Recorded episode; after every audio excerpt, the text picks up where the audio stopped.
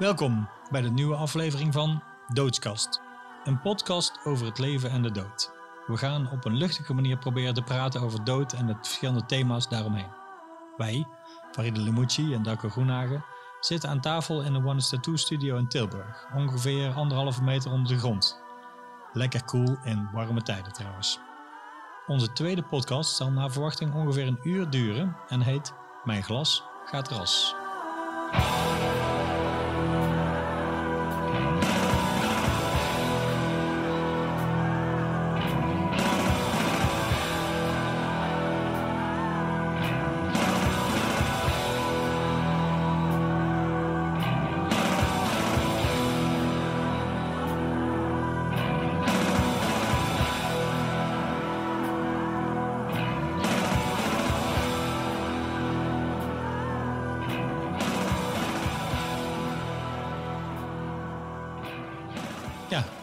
Draai hem maar dan om. die, draai ik eh, hem om. Die prachtige zandloper die Darko gekocht heeft voor deze podcast. En hij loopt. Nou, dan kunnen we beginnen.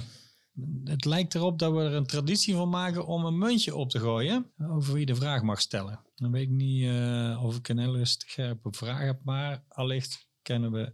We gaan het gewoon doen. Het, lot hoeft- zal bepalen. Hoeft niet altijd scherp te zijn, hè? Wat wil je? Kop of munt? Kop. Oké. Munt. Oké. nou, Eh, dan ga ik eh, toch een meer een soort praktische vraag stellen. En die vraag eh, luidt: hoe dicht ben jij geweest in je leven bij dood te gaan? En Met andere woorden, heb je wel iets, iets meegemaakt wat echt heel erg verkeerd af had kunnen lopen? Of, of op het randje van doodgaan was? Zo. Oké. Ik heb wel een keer een, eh, een ongeluk gehad. Met mijn eh, eentje toen nog. Toen eh, reed ik van Hulsel naar Netersel. Een van mijn prachtige zaligheden in de, in de Kempen. En het regende. En ik ging met die auto zo'n kasseienweggetje over. En daar kwam van de andere kant een chase met twee grote paarden ervoor. Ja, die schrokken ergens van of die, die schoven een beetje uit omdat dat wegdek behoorlijk glad was en zo. En ehm, ja, er waren hengsten, echt joekels. Hm? En die ehm, gingen op hun achterpoten staan. En ik schoof ook uit, want ik schrok daar dan weer van. Ik weet niet meer helemaal Ja, precies hoe het ging. Maar die kwamen dus met z'n tweeën op mijn auto af. Ja, toen dacht ik, eh, ik krijg daar een hoef in mijn Oh ja. gezicht. Of eh, ik ga daar, ik ben, dat was het. Dat was niet zo, want die schoven met een borst van de motorkap. Ik weet niet, die hele een zat wel behoorlijk ingedeukt en zo. En, ehm, Ja, dat is niet zo'n heel erg stevig. eh, mijn, mijn ouders hebben altijd eh eend gereden. Echt super lang. Ja, Maar ja, de- die beplating, daar is nee. heel tegen. die hele auto weegt nog geen 500 kilo, Mm, ja. geloof ik. En dat is, zal vast wat erin zitten zijn. En, ja. Maar ehm, dat is dus goed afgelopen. Ik moest daarna... Maar dat was wel, een, was wel een moment dat je dacht van... Hier Toen dacht hier ik wel echt, nou, nou, ja, nou is dat, daar, daar, kan ik, daar kom ik nooit meer levend uit. Oké.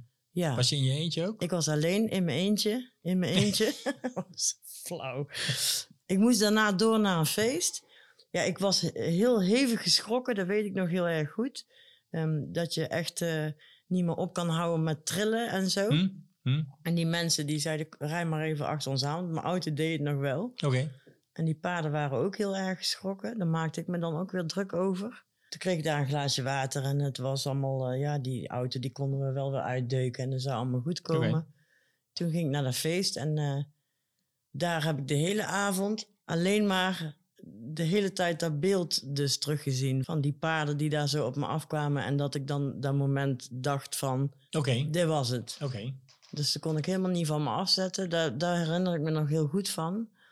Dat je dan ook... eh, dus men, ik kon wel met mensen praten, maar ik was, nog, ik was gewoon Hm. aan het shaken. En dat ging eigenlijk helemaal niet over. Ja, dan ben je Ehm, niet, niet stabiel of zo, hè? Je nee. dan? Ja. Daar Nee. word je heel eh, ja, wankel van. Ja, ik denk dat dat wel het dichtste bij is. eh, maar ik, ik kan... Helaas heb ik niet een... dat dan mijn hele leven aan me voorbij kwam. Of, Oh nee, maar daar, daar, gaat nee. niet zo, daar gaat niet zo vooruit. Maar nee. ik, ik dacht van ja, de, hoe vaak maak je dat eigenlijk mee in je leven dat, dat je... Sommige mensen misschien heeft iedereen wel een keer gedacht van, oh, nou, dit is het. Ik vroeg het vandaag aan een paar mensen gewoon om te peilen of mensen dat hebben.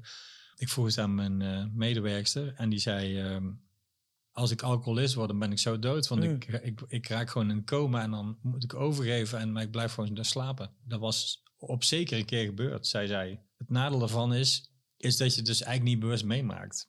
Snap je, iemand anders moet jou vertellen van, oh Jezus, weet je wel, jij lag van je eigen af te stikken je eigen braaksel. En toen heb ik jou, weet ik veel, mee naar de douche moeten slepen. En toen werd je, kwam je pas bij je positieve. Maar daar heb je zelf geen Daar weet je niks van. Nee. Ja, dat is nog veel enger. Tenminste. Ja, Ja, maar daar vergeet je ook sneller. want dan maakt het geen impact. Ja, dus dan, dan haal je er denk ik geen levensles uit of zo. Maar ja, ik kan me alleen. Ik zit nou even te denken of ik een levensles heb eh, gehaald uit mijn eh, moment. Nou, ik denk als je zeg maar even op je grondvest, weet je wel, even geschud wordt, dat alles. Ja, ik denk dat daar wel degelijk, ja, niet per se dat je daar een hele filosofische les uit haalt, maar dat je daar, dat, het is heel simpel, dat doet je wel iets. Ja. Het doet je denk ik meer dan dat iemand jou vertelt, goh, toen jij op de GHB was, toen eh, heb je dit en dat gedaan, waar je zelf helemaal geen herinnering van hebt. Wat een, mijn klant vertelde, niet dat hij dat meegemaakt had, maar als ja, een jongen die ken, die was op een haartje na dood, die was met heel veel GHB in de auto gestapt en die was altijd om een boom heen gevouwen. En, eh, maar, maar die had daar zelf verder geen herinnering van, dus ja, die had helemaal niks van geleerd. Ik moet denken aan een jongen van een jaar of eh, twintig die eh, pillen, drank, eh, weet ik veel wat allemaal. En in zo'n toestand voor de grap een stukje ging rijden. Toen eh, een mega groot ongeluk heeft gekregen en echt ter, ter nauwernood aan de dood ontsnapt. En dan denk je van nou, dan zal die nou wel dat niet meer gaan doen. Maar dat is dus niet zo. Nee, ja, Dat precies. ja. Dat, maar dat, dat, die jongen, die, die is daar niet meer... je- dat vertel je uit, die, uit je eigen kennissenkring of zo? Ja, heb ik gehoord Ja, van ja, in- via, ja, Ja, het punt is dus dat het belangrijk is dat je het zeg maar beseft of zo. Mensen die eh, achter een, weet je wel, achter het stuur in slaap vallen of zo. En dan denk je zo, wow, met half tegen de vangen wakker worden, of dat soort dingen. Ik ken best wel veel mensen die zoiets meegemaakt hebben. Dat is eigenlijk best interessant. Hoeveel mensen daar en hoe vaak je daar eigenlijk meemaakt. Zoals je erover nadenkt van hoe, hoe vaak heb je het gehad. Ik moet van mezelf, ik ga mezelf de vraag ook stellen. ja, ik wou het anders net gaan doen. eh. Ja, dat is een beetje ongeduldig voor mij misschien. Maar ik denk niet dat ik... Ik, eh, ik rij geen auto. Daar is natuurlijk altijd een soort van gevaar. ja. Als je daar controle over verliest of zo. Maar ik heb wel een paar dingen meegemaakt met waar wapens bij kwamen kijken. Mm. Ja, ik heb een paar keer een wapen op me gericht gehad. Eh, hoewel ik heel onschuldig eh, eigenlijk eh, in de, onschuldig was in allebei situaties. En, maar goed, en dat was geen bedreiging eigenlijk. Maar ja, daar is toch zeg maar een risico aan. Een geweer. Ja, een, een, ik denk twee keer een Uzi. om, om precies te zijn. Wow. Oké. Ja. Eén keer was ik in een tatenshop aan het werk en toen, toen viel er een arrestatieteam binnen in de, in de tatenshop. En dat was heel raar, want er was, eh, op dat moment was er een, een voortvluchtige gevangene. Die stond bekend als vuurwapengevaarlijk. Een bikerachtig type. Ik weet, ken niet, weet niet wie het was of weet ik veel wat. Eh, ik uh, interesseer ik me ook niet zo heel veel voor, voor dat soort dingen. Maar ik werkte in een tatenshop en die, die eh, was gesitueerd tegenover een politiebureau. En de man die pierste in die tatenshop, die leek blijkbaar op die biker. En ik moet wel erbij vertellen dat er wel een paar, paar vage... eh, eh, er hingen altijd wel een paar rare, ja, hoe zeg je dat? Verdachte types rond, criminelen, zal ik maar zeggen. Ongure lui of Oh ja, eh, nou ja, zo. of, ja, eh, zoiets. ja. Ook van zwaar kaliber, zeg maar. Ja. Nou, ik denk dat de politie dacht 1 en 1 is 2. En die eh dacht, dat ze hem hebben. Maar dat was gewoon de piercer, dus de hele lieve mens. En die ging na zijn pizza even een sigaartje roken buiten de shop. En die werd gespot door de politie. Maar goed, dat was wel echt een ding, zeg maar. Maar, dus, en, en, en jij ervoer dat op dat moment als van oeps. Nou, er vielen gewoon eh, acht man met getrokken Uzi's en k- kogelvrije vesten binnen. En die, zet, die hielden iedereen onder schot. Dus toen had ik een geladen wapen op me, Ja. op me gericht. Met alle andere mensen die er waren. En niemand had, iedereen was totaal overrompeld. Wat dan de tactiek is van zo'n arrestatieteam. Maar da- daar werd nooit zo bedreigend dat het dreigde uit de hand lopen. Snap ik bedoel? Dus die Mhm. mensen, ik ga er een beetje vanuit dat je ook wel weet dat die mensen weten dat ze niet in het wilde weg moeten gaan schieten, omdat er, eh, terwijl niks aan de hand is. Maar verder heb ik eigenlijk, eh, ja, ja, nog een keer een hele rare situatie op een feestje. Was iemand die had zo'n wapen meegenomen voor de grap met nieuwjaar. Die dacht, dan kan ik daar een keer, het nieuwjaar, kan ik dit een keer af laten gaan en een keer in de lucht schieten. Weet je wel, dan valt dat niet zo op. En die liep het feestje binnen en die, die haalde het ding uit zijn zak en die, die richtte die op mij. En dit was mijn feest. Ik zat echt midden in het feest op de trap. En die gast haalde het ding uit zijn zak en die mikte die op mij. Dan moet ik zeggen dat ik heel erg wazig was van paddenstoelen en joints en ik wat ik op had. Dus ik kon alleen maar lachen en eh, de absurde van de situatie inzien, zeg maar. Je had niet daadwerkelijk het gevoel, dit was het. Of wel? Nee, nee, ik had wel, nou goed, ik moet zeggen op dat feest, eh dat ging over iemand die ik zeg maar niet uitgenodigd had op de feest, maar wel kende. En die mens kwam binnen en ik stond bij de deur. Ik zei, nou goed, ik heb je eigenlijk niet uitgenodigd, maar kom toch maar binnen. Want ja, wees gewoon welkom, snap ik wat ik bedoel. Ik ga niet stennis lopen maken. En als ik jou toch welkom heet, dan zijn we oké. En eh, Maar goed, er was een beetje eh, eh, die persoon in een soort obstinate periode van zijn leven, denk ik. In ieder geval, op een gegeven moment zat ik daar. Toen dacht ik, oh ja, die gast is er. En was al niet zo'n hele betrouwbare dude in mijn beleving. En die zit midden op de feest, trok die ding uit zijn jas en richtte die op mij. Nou, ik was nogal flabbergasted. Ik kon niet zo heel goed, ik wist niet zo goed wat ik ermee moest. Dus toen kwam hij naar me toe gelopen zei, ja, die is niet echt hoor. Dus toen dacht ik, oh nou, whatever. Dus toen kwam ik een vriend van me tegen. Die zei, hey, eh, heb, je, gezien wat die gast bij zich had? Ik zeg, eh, ja. Hij zei tegen mij dat hij niet echt was. Hij zei, nou, ik heb met mijn hand gehad. Ding was echt wel echt. Ik oh.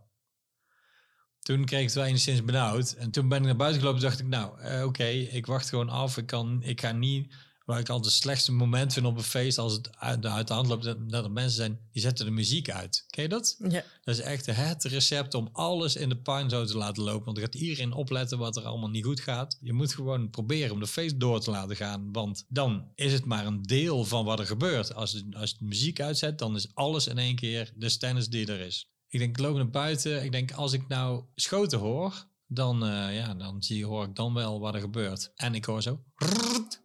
En ik denk, ah, fuck, oh, oké. Eh, hoor ik mensen schreeuwen? Nee.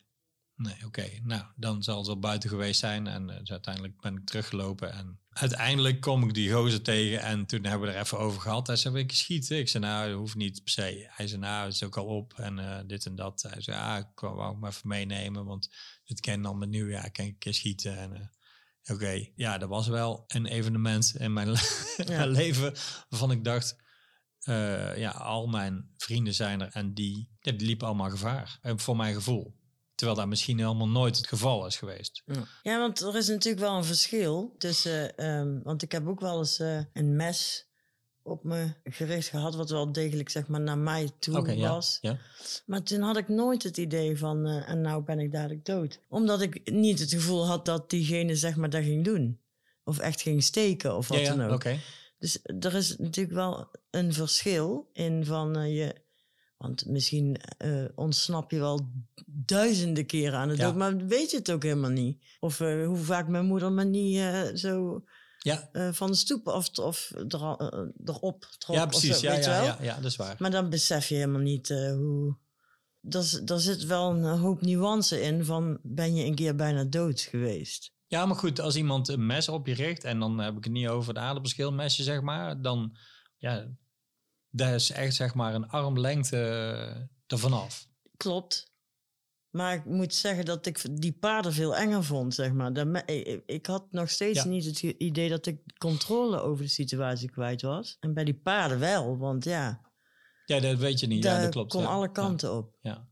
Ja, iedereen heeft dus allerlei andere ervaringen daarover. Ik bedoel, dan, dat, dat kun je dan misschien eh, in allerlei eh, categorieën indelen en Ja. zo. Ja, en, en de vraag is inderdaad van, was het percentage dat het fout gaat of zo?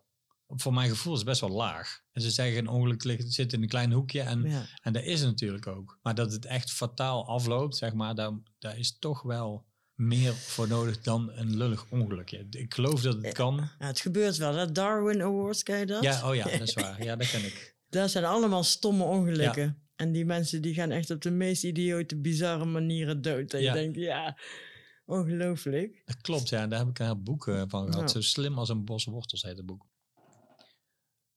Eh, mijn stoel kraakt, dus eh, heeft een extra sfeer. Wat vind jij? Ja, ik vind het wel sfeer hebben. Je moest eens weten, wat, mijn, mijn koptelefoon die kraakt enorm. Oh ja, oké. Dus bij elke beweging die ik maak, die- wat mij betreft, draagt het wel bij een sfeer, Darko. Oké, goed. Eh, maar ja, en ja, ik geloof, dat mijn, mijn vader me een keer eh, aan mijn voet uit, de- uit een vijver heeft gehaald toen ik op... Nou, precies, daar, daar had je het over. Hè? Dat als je Ja. klein bent, dan, dan eh, let je er allemaal niet zo op. Misschien is het naarmate je ouder wordt, wordt het, gaat het zwaarder wegen of zo. Ja, je eh, banger en eh je fragieler. ziet dan meer gevaren. Je weet Ja. dan beter wat de consequenties van dingen zijn. Dus dan eh, zou het logischerwijs ook zo zijn dat je wat meer eh, angsten krijgt Ja. of eh, voorzichtiger wordt en zo. Ja. Oké. Nee, ik, ik, ik, ja, ik weet niet. Loopt dit eh, dood? mooi, mooi woord in dit geval. ja, leuke woordkeus. Ehm, Want, eh, want jij hebt ongetwijfeld ook nog een vraag, Klopt. denk ik. Nou ja, die is misschien ook wel. eh, even kijken of ik een mooi, eh, kan, eh, een mooi bruggetje kan maken. Want ergens is die wel in het verlengde. Jij bent eh 50 geworden en ik word daar volgende week. Oei. Dat is natuurlijk ook eigenlijk een bijna doodervaring. Ja, ja, dat is wel echt... Hè, maar dan dus dan ben je 50 en dan weet je gewoon, ik ben eigenlijk over de helft. Zo ongeveer. ja, nee, hè? ik voel echt Als je- ruim over de helft. Voel Als ik. je gewoon eh, dadelijk een keer van ouderdom ergens sterft, dan kan je er nog steeds van uitgaan dat je meer achter je hebt dan wat je nog voor je hebt.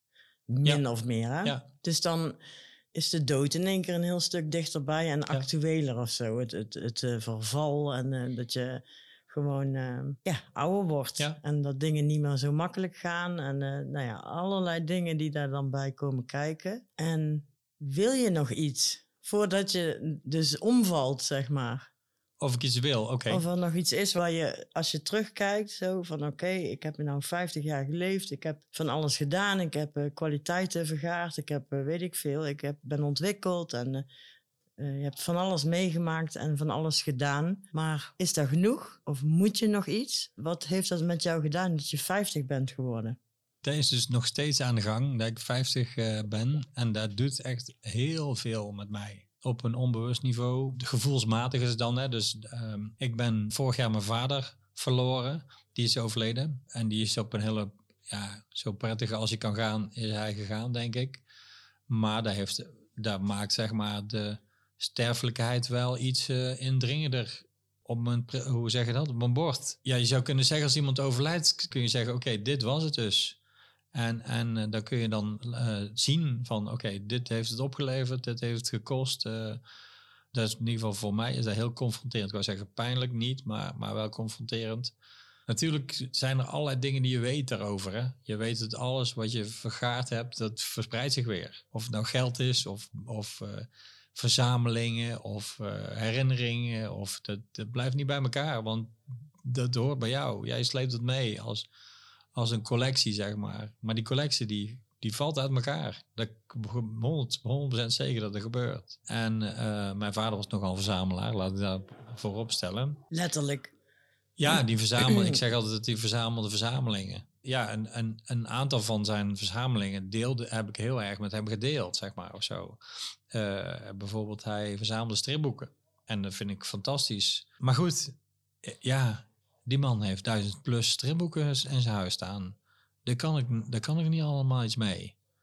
Ik heb de beste eruit gevist, al een hele tijd geleden, omdat ik het mooi getekend vond. Hij verzamelde ze dan bijvoorbeeld om ja, om de antiquarische waarde, dan kon hij, um, weet ik veel, een boekje van eh, Olivier Bommel eh, vinden voor 2 euro. En dan dacht hij, ah, dan ga ik even in de catalogus kijken wat die kost. En dan kostte die eh, 20 euro.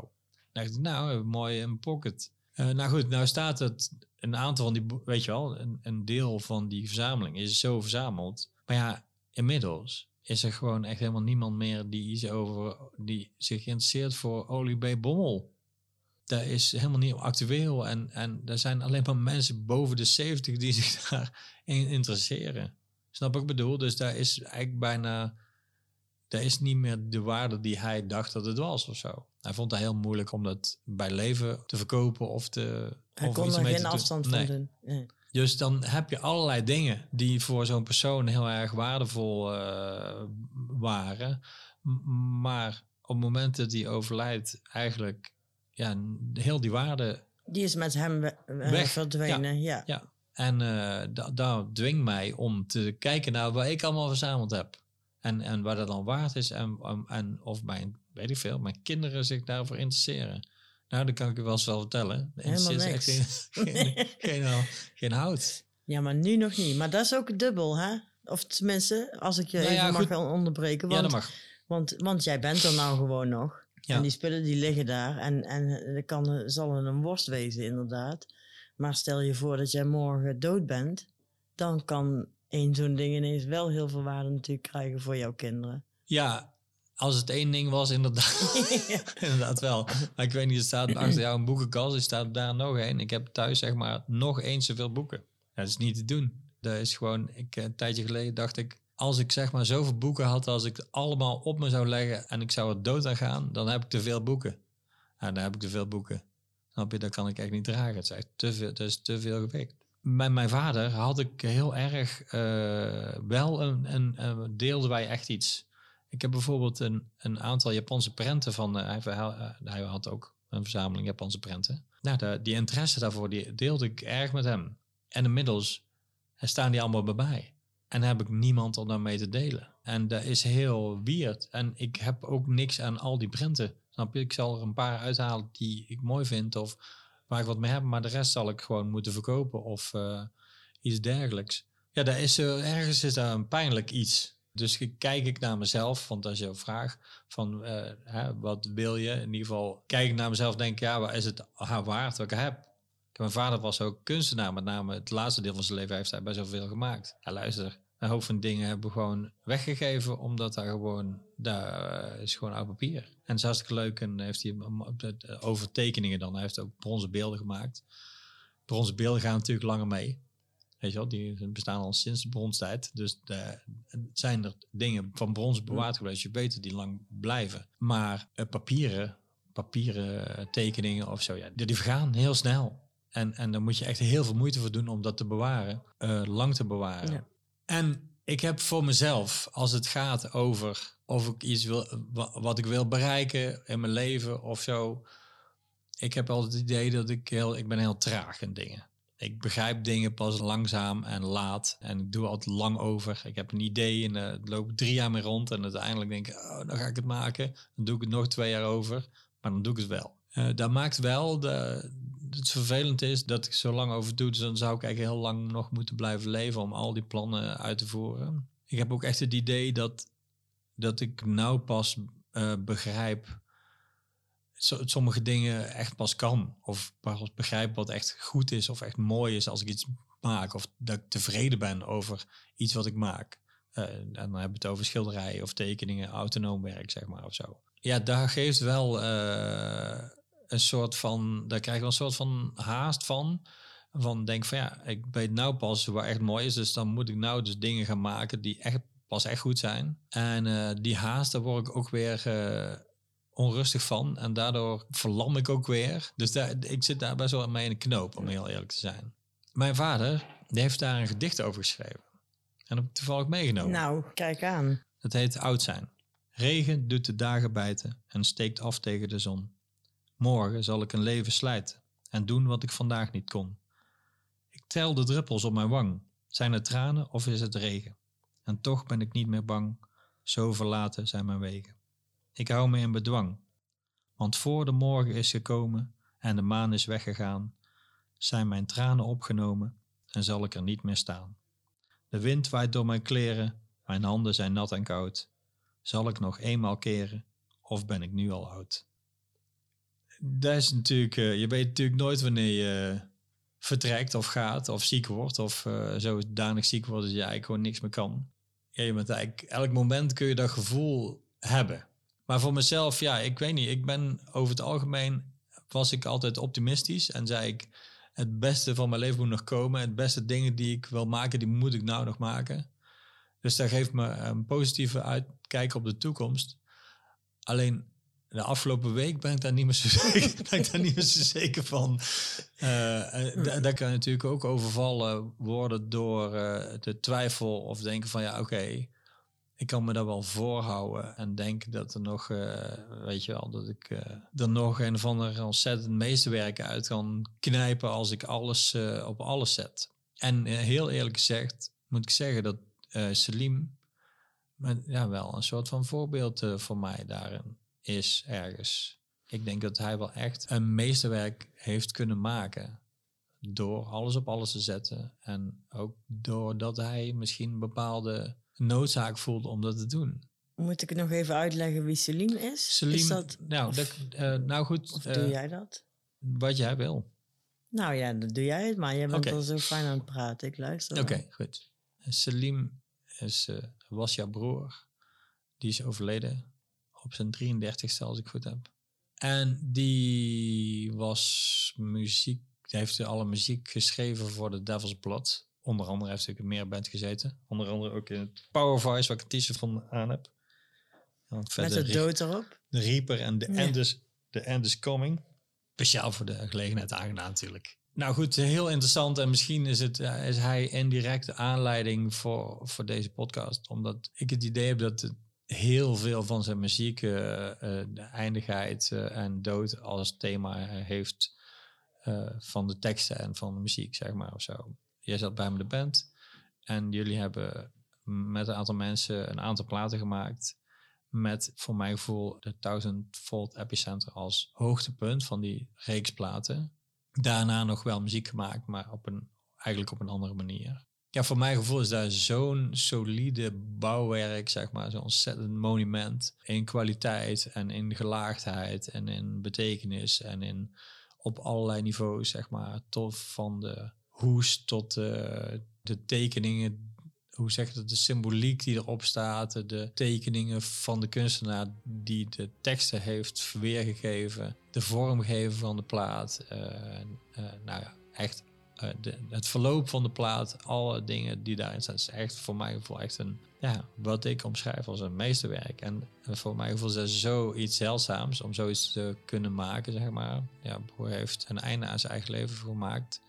Uh, daar in ieder geval zelf heel duidelijk voor gekozen. En ik kan me voorstellen dat als je dat voor ogen hebt, dat je dan wel ja, de neiging om, om jezelf legendarisch te maken wel heel groot is, zeg maar, of zo.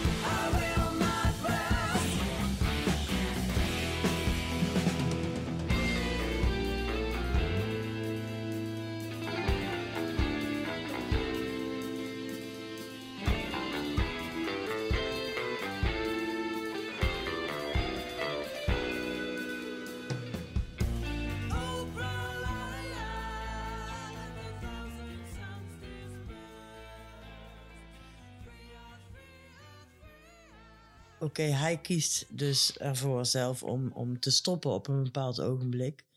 En dat moment heeft hij zelf gekozen. Hij wist altijd dat hij dat moment zelf ging kiezen, maar hij mm. wist nooit wanneer. Maar hij heeft dus wel altijd geleefd met het idee van, maar ik moet nu die shit doen. Ja. Maar dat kan ook Dus als je niet zelf kiest van ik, ik wil deze aarde eerder verlaten of op een, op Mhm. een bepaald moment, maar je wacht gewoon tot het zich voordoet, Ja, zeg maar. ja. Dan denken we ineens allemaal dat we dus heel veel tijd hebben. Ja. En dat we gewoon maar kunnen doen wat we willen en een beetje klooien. En dan word je in één keer 50 en dan denk je, shit. Maar ehm, ik, heb, ik heb nog niet dit of ik moet nog dat of ik moet nog... krijg je allemaal mensen met, ehm, hoe heet dat ook alweer? Midlife Mannen crisis, met ja. motors en pakken en zo. Hey, Ja. luister, maar vrouwen hebben er ook last van, kan ik d- helemaal niet waar. Niet alle vrouwen, Nee. maar ik bijvoorbeeld... Tuurlijk wel. Ik denk, ja, nou dat. En ik denk met name bijvoorbeeld vrouwen die geen kinderen hebben, die denk ik wel iets, misschien wel heft, iets heftiger. Ik denk dat dat. dat, dat eh, nee, en ik, ben, ik zit midden in de overgang en er schieten overal haren uit mijn kin op plekken die is echt niet normaal. En hormonen en Hm. stemmingswisselingen. En tuurlijk krijgen wij daar allemaal mee te maken. Maar het is wel op zich. Volgens mij is het ook een dat overgang. Ja, dat, maar dat is ook zo, ja, toch? Ja, nee, zeker. Maar zou het niet anders zijn als we het toch even hebben over taboes? Hè? Over, je- over doodpraten is helemaal niet heel normaal eigenlijk. Hm. Op een luchtige manier, zoals we het dan Ja. graag doen. Ik vind het nou niet heel luchtig trouwens op dit moment, maar goed. maar als we als kind of als we, eh, als we jong zijn al veel meer met die dood ook bekend worden en er eh, op een normale manier mee omgaan en weten dat het leven zomaar in één keer afgelopen kan zijn, zou je dan niet meer mensen krijgen die, weet je wel, het is nu wat telt en nou eh, wil ik eh, gewoon het, het beste Alles op alles zijn. zetten. En Ja, ja. ja. ja. Oh, dat is een heel interessant eh, iets inderdaad. Ik hou wel van die manier van denken. Want daar wordt heel erg eh, ja, weggehouden. En, en, en niet, ja, daar wordt eigenlijk niet over gepraat. Eh, zelfs als je daar grapjes over maakt, wordt dan niet eh, ja, als, als heftig of morbide gezien Ja. of zo. Ja, dat vind ik wel een goed punt. Ik denk overigens wel dat het... Ik kan ook de andere kant inslaan. En hoe bedoel je dat dan? Ja, dat je het idee hebt dat het allemaal geen nut heeft. Nou moet ik zeggen dat Selim daar heel veel over nagedacht heeft, ook heel veel over geschreven heeft en daar zeg maar ook ongetwijfeld mee geworsteld heeft, denk ik uit zijn teksten te kunnen halen. En dan maakt het heel erg interessant. Ja, uiteindelijk is leven, ja, is gewoon het enige wat je daarvoor hoeft te doen is geboren te worden. En koe leeft ook, snap je? Die eet, slaapt en scheidt. Dat is het enige wat hij hoeft te doen om te leven. Dat is eigenlijk ook het enige wat wij hoeven te doen om te leven. Maar wij vinden dan dat er van alles aangeplakt moet worden.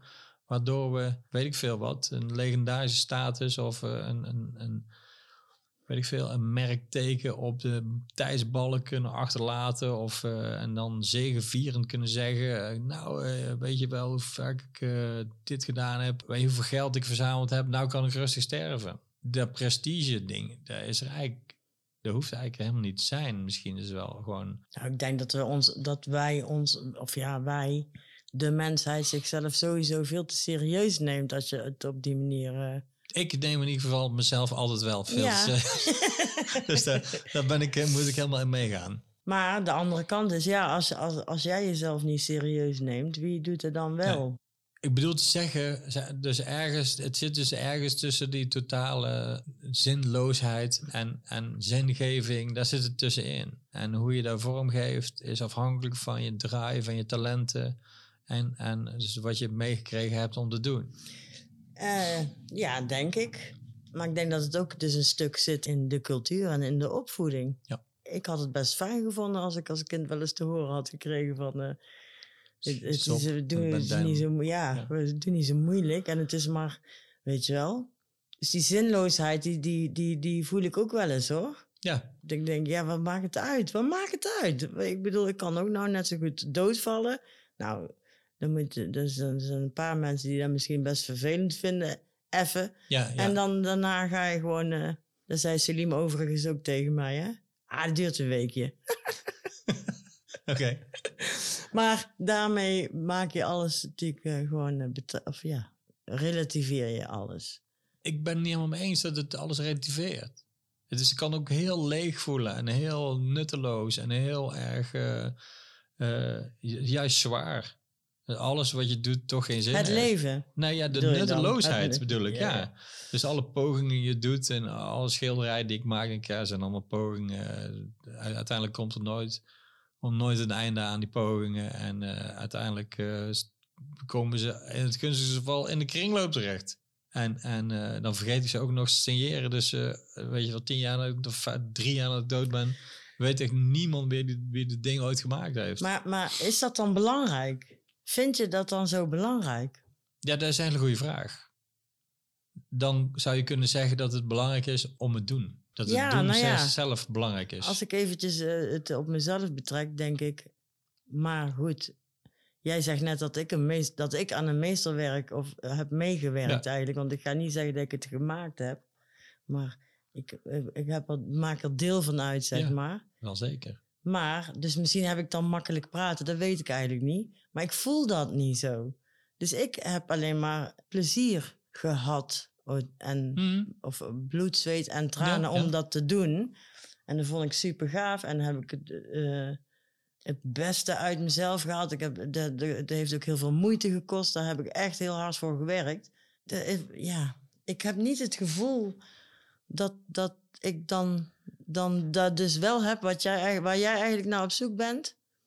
Ja, nou goed, dat is wel grappig. Want misschien is het wel zo dat je totdat je doodgaat pas echt terug kan kijken. De, of dat je net voordat je doodgaat terug kan kijken en denk, oh, dit was het dus.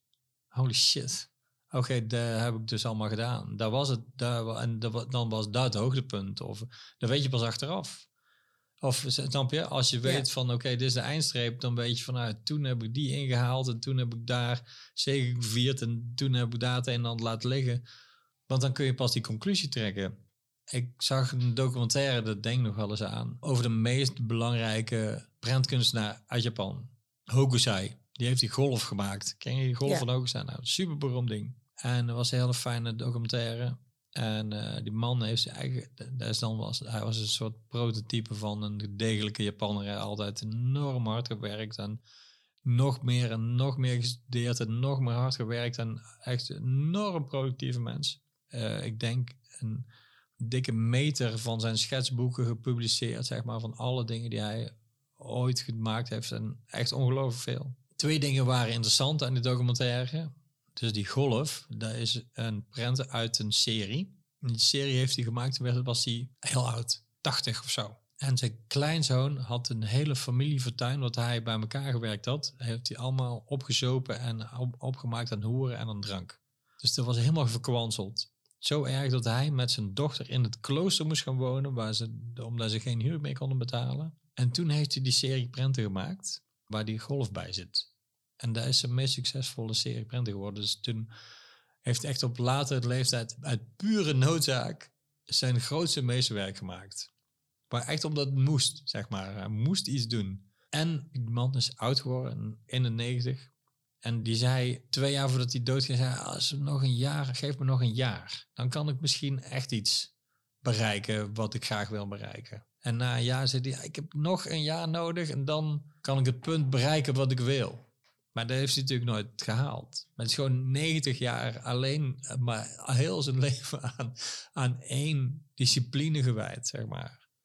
Alleen maar dat. En de Japanners kunnen, tenminste in dit geval, ik zal niet alle Japanners eh, meenemen, maar die hebben in ieder geval een cultuur waarin dat heel erg eh, super serieus genomen wordt. Hè. Die hebben niet voor niks een woord voor death by overwork. Het dood door, dus je eigen doodwerken, zeg maar. Karo- Karoshi eh, is het woord. En dan nog, dan duurt het 90 jaar. En dan nog heb ik het idee dat je het niet gehaald hebt. Dus daar, daar troost mij al- altijd. eh, als ik uh, zit te ploeteren achter mijn eh, bureau met mijn tekendingetjes, zeg maar. En misschien is het ook goed om te blijven streven. Want als er niks te streven valt, dan kan je misschien meteen wel doodgaan. Snap ik bedoel? Ja, ja, ik begrijp het heel goed. Maar ik ben toch nog zeg maar heel erg geïnteresseerd in wat jij dan eigenlijk nou precies zoekt. Want we praten eigenlijk over verschillende aspecten. Hè? Van uh, je wil iets bereiken, of je wil ergens uh, de beste in worden, of je wil, uh, weet ik veel, dat mensen zeggen: Kijk, dat is een echte Darko. Ik noem maar even Ja. wat, hè? Ja. Maar wil je dat nou voor jezelf nu nog in dit leven? Of wil je dat nalaten? Als ik me echt niet goed voel, hè, zeg maar, dan denk ik: waarom doe ik al die moeite? En dan denk ik, nou, misschien komen een paar mensen op begrafenis en zeggen, hij was toch wel een goede gozer.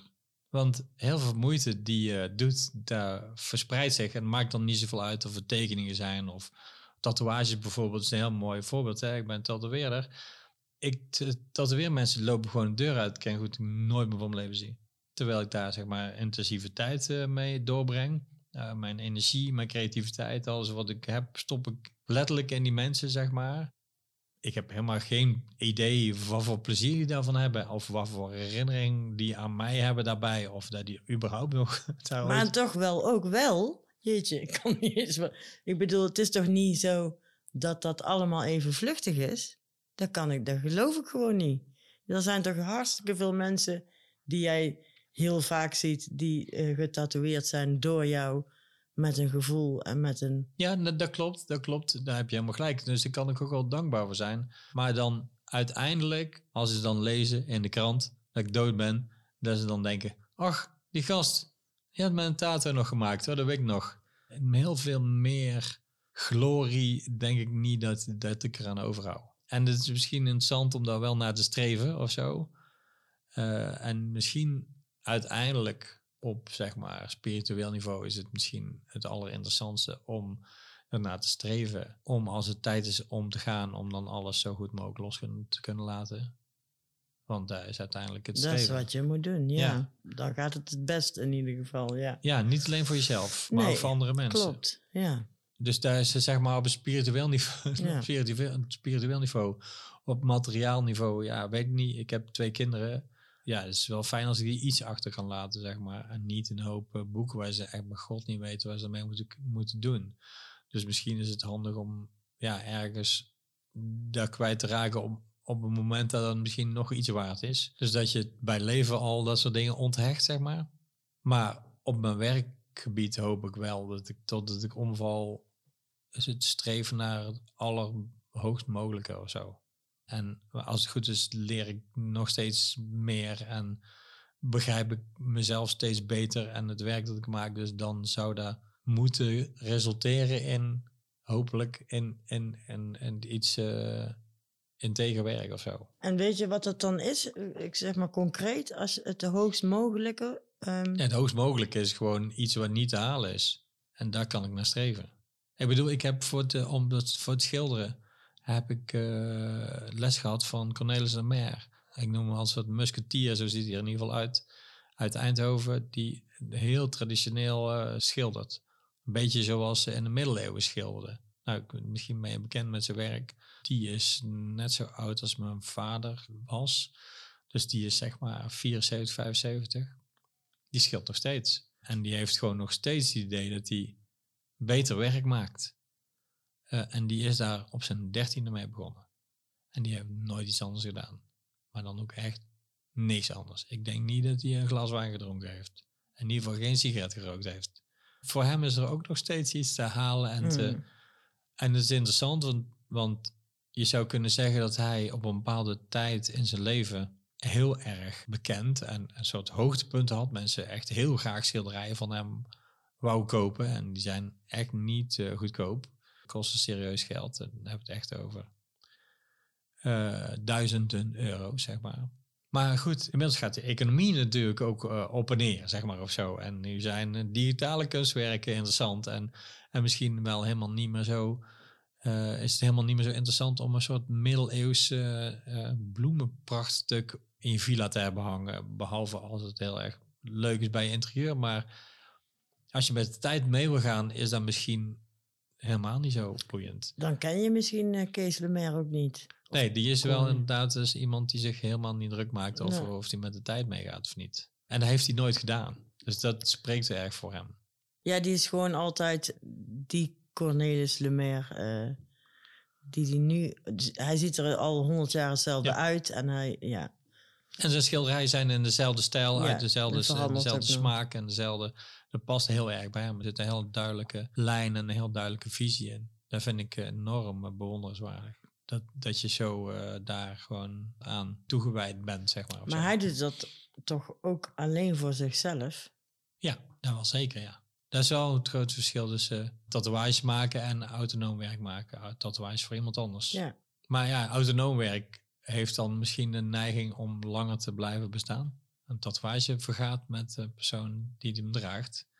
En een schilderij kun je met generaties doorgeven, zeg maar. Dus voor de duurzaamheid. of is Ik beter op canvas gaan schilderen, jongen. nou ja, ik, ja, nou, ja, canvas eh, vind ik eh, op paneel. Dat doet het beter. En ik heb bijvoorbeeld geen pensioen of zo. Dus misschien eh, is dat ook interessant om dan eh, daarover na te denken. Ja, het is wel, je hebt een punt hè. Je kunt tot je vijftigste leven en dan denken, waar ga ik, en dan ben je vijftig en denken, wat ga ik doen als ik vijftig, ah, na mijn vijftigste? Nou, daar kom ik wel achter dat ik daar niet heel veel over nagedacht had. Vind je dat goed of niet? Leef je dan bij de dag of eh, is dat dan, of had ik, eh, weet ik veel, na moeten denken over eh, mijn eh, pensioen en mijn eh, oude dagsreserve, zoals het er mooi heet. Nee, ik denk dat het beter is dat je niet je hele jong... Ik bedoel, ik zag straks een eh, tekeningetje toen ik aan het zoeken was naar quotes over dood. Of Mhm. eh, van een eh, man die bedolven wordt onder al zijn boeken in de boekenkast, uit de boekenkast, die hij allemaal gespaard had om te gaan lezen als hij dadelijk... Ja, ja. Maar ja, hij is dus onder, dood gegaan omdat hij heel die kast over zich heen kreeg. Ik bedoel, als je heel veel bezig bent met zekerheden van ja, maar ik moet dit nu regelen, want straks, en, eh, dan vergeet je waarschijnlijk wel een beetje te leven. Ja. Dus ik eh, vind dat eh, niet slecht, zeg maar, dat je dat niet. maar het is wel zonde als je dan misschien 50 bent en zo kijkt en denkt, oeps, ehm, ja, wat nu? Of zo. Of hoe moet dat nou eigenlijk? Als je je daar heel veel zorgen over gaat maken, dan ja, ik weet niet. Maar misschien hoort dat ook wel weer bij die overgang of transitie of hoe je het ook wil noemen. Er gebeurt natuurlijk wel een heleboel als je ouder wordt. En, en 50 is wel echt ook, in ieder geval voor mij is het de eerste keer dat ik een leeftijd bereik waarop ik denk, oh ja, nou eh, ben ik echt eh 50, iemand anders of zo. Ja, ik weet ja. niet. Nee, ik 30 snap- ja. ging wel 40, eh, Ja, maar 50, is 50 wel is echt, echt van, oké, wacht. Nu, is een ja, major league. Ja, dat is klopt. echt wel een Ja. hele grote stap of Ja. zo, hè? Zeker. De onzekerheden en, en eh, eh, ben ik wel goed bezig en moet ik wel dit blijven doen en hoe ga ik... Ik denk dat dat best wel common is of zo. Ja, ik vind overigens dat jij heel goed bezig bent. Oh, hoe, eh, Ja, dank vind je ik-. Vind ik. Ho- hoezo? Ja, gewoon. Gewoon. Ja, bewust en, en, en bezig met dingen te maken en eh, met jezelf gewoon. eh, ik weet niet, dat denk ik echt. Ja, dat heeft... Ja, oké. bewust van jezelf en het feit dat je. Ja, dat weet ik niet. Van je kracht ook. Dat heeft ook wel heel erg veel te maken met het feit dat ik. ehm, ik, ik heb geen ouder, ik ben los. Ik ben Ja. helemaal vrij. Ik heb wel een kind, maar die is 21, dus die heb ik ook een beetje los kunnen laten. En die doet ook zijn eigen ding, dus dat is ook allemaal prima.